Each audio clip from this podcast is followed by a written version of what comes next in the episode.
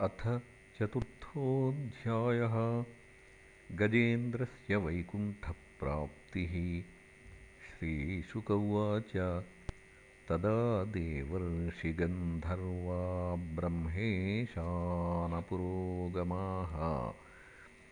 मुमुचुः कुसुमासारं शंसन्तः कर्म तद्धरेः नेदुर्दुन्दुभयो दिव्या गन्धर्वा न ऋतुर्जगुः ऋषयश्चारणाः सिद्धास्तुष्टुवुः पुरुषोत्तमम् योऽसौ ग्राहः स वै सद्यः परमाश्चर्यरूपधृत् मुक्तो देवलशापेन हुहूर्गन्धर्वसत्तमः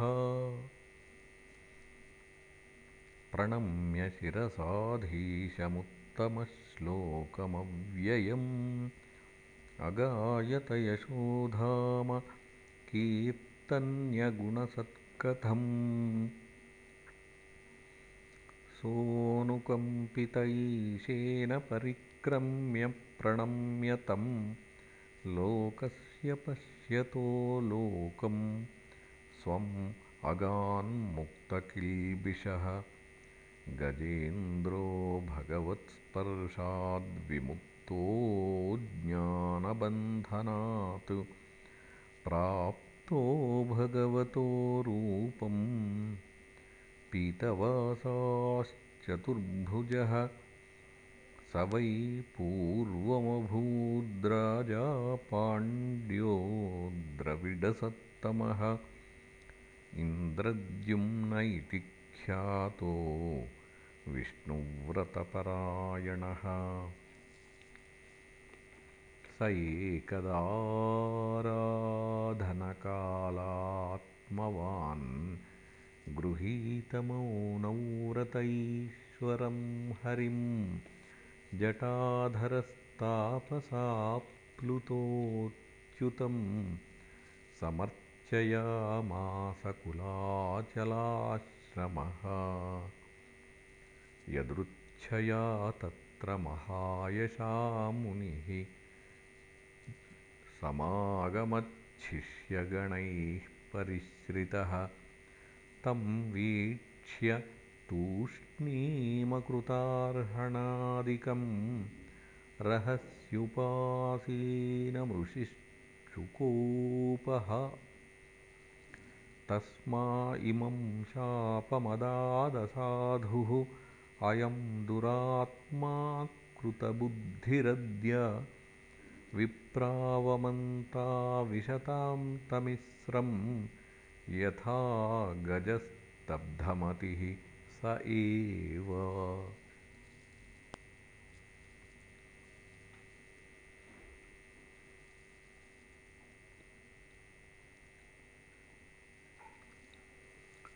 श्रीशुक उवाच।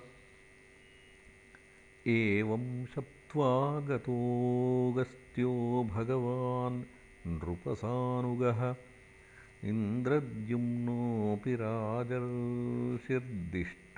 तदुपधारयन् आपन्नः कौञ्जरीं योनिमात्मस्मृतिविनाशिनीं हर्यर्चनानुभावेन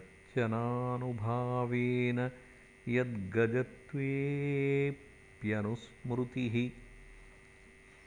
एवं विमोक्ष्य गजयूथपमब्जनाभः तेनापि पार्षदगतिं गमितेन युक्तः गन्धर्वसिद्धविबुधैरुपगीयमानकर्माद्भुतं स्वभुवनं गरुडासनोऽगात् एतन्महाराजतवेरितो मया कृष्णानुभावो गजराजमोक्षणम्। स्वर्ग्यं यशस्यं कलिकल्मषापहं दुःस्वप्ननाशं कुरुवर्यशृण्वताम्।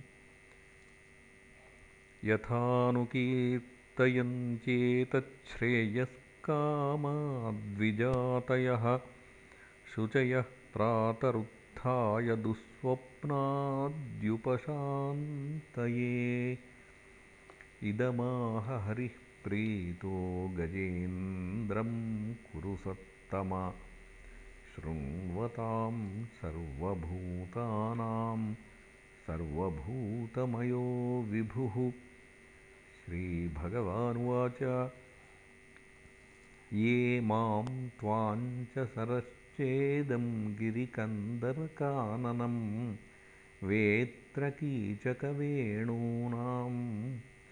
गुल्मानि सुरपादपान् शृङ्गाणीमानि धिष्ण्यानि ब्रह्मणो मे शिवस्य च क्षीरोदं मे प्रियं धाम श्वेतद्वीपं च भास्वरं श्रीवत्सं कौस्तुभं मालां गदां कौमोदकीं मम सुदर्शनं पाञ्चजन्यं सुपर्णं पतगेश्वरम् शेषं च मत्कळां सूक्ष्मां श्रियं देवीं मदाश्रयां ब्रह्माणं नारदमृषिं भवं प्रह्लादमेव च। मत्स्यकूर्मवराहाद्यैरवतारैः कृतानि मे। कर्माण्यनन्तपुण्यानि सूर्यं सोमं हुताशनं प्रणवं सत्यमव्यक्तं गोविप्रान् धर्ममव्ययम् दाक्षायणी धर्मपत्नीः सोमकश्यपयोरपि गङ्गां सरस्वतीं नन्दां कालिन्दीं सितवारणं ध्रुवं ब्रह्मऋषीन् सप्तपुण्यश्लोकांश्च मानवान्। उत्थायापररात्रान्ते प्रयताः सुसमाहिताः। स्मरन्ति मम रूपाणि मुच्यन्ते ह्येन सोऽखिलात्। ये मां स्तुवन्त्यनेनाङ्गप्रतिबुध्यनिशात्यये तेषां प्राणात्यये चाहं ददामि विमलां मतिम् श्रीशुक उवाच इत्यादिश्य हृषीकेशः प्रध्माय जलजोत्तमं हर्षयन् विबुधानीकमारुरोह खगाधिपम्। इति श्रीमद्भागवते महापुराणे पारमहंस्यां संहितायाम् अष्टमस्कन्धे चतुर्थोऽध्यायः